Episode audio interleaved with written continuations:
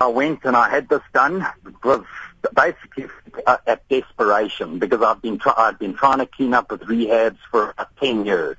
And I would clean, I'd stay clean for about two, three months and then I'd be back on the stuff again. It just wouldn't work. And once I had this thing, it's just totally, totally different. It wasn't like I'm struggling to stay clean or anything. I don't think about drugs. I'm crave. It's as if I've never used drugs in my life before. Naltrexone kan op twee maniere toegedien word. As 'n tablet of dit kan onder die vel ingeplant word. The pill form I don't believe in because what will happen is the addict will stop taking the pills and then go back onto drugs again. With the implant, he can't stop taking the implant because it's in your buttocks. It, he makes like a three centimeter incision and he implants the little pill it's, and it lasts for three months, the first implant. Libbe gee toe dat daar baie mense is wat skepties is oor die doeltreffendheid van naltrexone. Die adjunkregistrateur van die Mediese Beheerraad, Dr. Joey Gous, sê naltrexone is niks niets nie. Naltrexone is 'n baie ou molekuule. So in Suid-Afrika kry ons dat die Medisyne Beheerraad het nou al reeds twee produkte geregistreer wat hierdie spesifieke aktiewe bestanddeel bevat en soos wat die medisyne beheerraad deur die proses gaan om produkte te registreer sien ons dat meer en meer verskillende maatskappye doen aansoek om hierdie produk by die raad te registreer. Registrasie is onderhewig aan die veiligheid, gehalte en doeltreffendheid van 'n produk.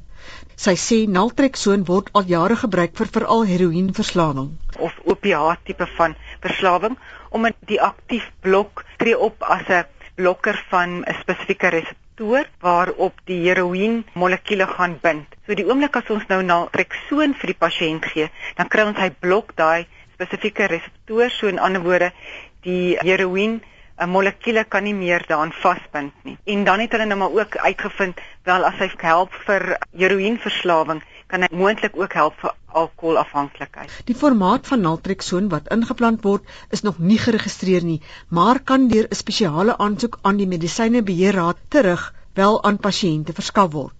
Neil Ebedes van die nie-regeringsorganisasie Tough Love wat familielede van verslaafdes ondersteun, waarsku egter dat die behandeling van 'n verslaafde hiermee fyn gemonitor moet word. The disaster stories that we've been hearing worldwide can be quite grave if it isn't monitored by someone else as well. Because if the actual, uh, how can I put the affliction of drug abuse is not attended to from a psychological point of view, that person may still want to try and get a high from taking drugs and now he can't because the drug is inhibiting the receptors.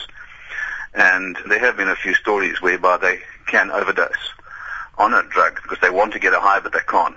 'n Psigiater in privaat praktyk in Johannesburg, Dr. Leverne Mountney, sê daar is internasionaal nog nie bewys dat dit die doeltreffendste medisyne vir heroïne verslaafdes is nie. Sy sê hierbenewens moet die tablette ingevoer word. Die tablette was geregistreer gewees en dit is van die mark afgehaal Revia omdat dit nie noodwendig aftrek gekry het nie. So die tablette is het meer waarde as die implanting want die probleem met die implanting is sodra hy ingeplant is, dan kan jy nie weer uithaal nie wat dan op die einde gebeur is as mense dan heroïne gebruik wat word die heroïne onmiddellik van die reseptor afgeskop. So hulle eindig op om meer en meer en meer te gebruik en eindig met 'n um, accidental overdose om as gevolg van die implanting. 'n Psigiater in privaat praktyk in Johannesburg, Dr. Leverne Mountney, Mitsi van der Merwe in Johannesburg.